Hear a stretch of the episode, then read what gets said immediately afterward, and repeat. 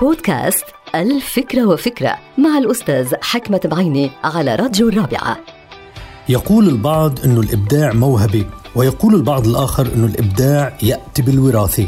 ولكن حقيقة الأمر هو أن الإبداع هو نتيجة لمجموعة عوامل تتخطى الموهبة أو الوراثة. لأنه بعض الدراسات عم بتقول أنه في كل إنسان بذرة من بذور الإبداع مغروسة بقلبه وعقله ولا توجد أعذار لعدم الإبداع.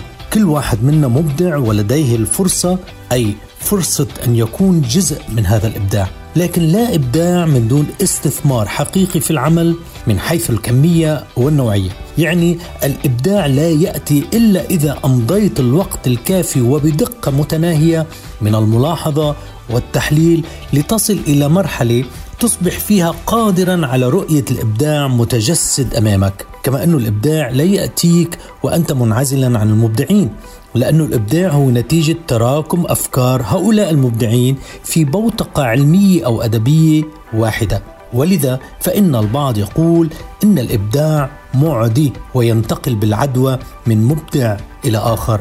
هل هذا صحيح؟ أعتقد ذلك. انتهت الفكرة.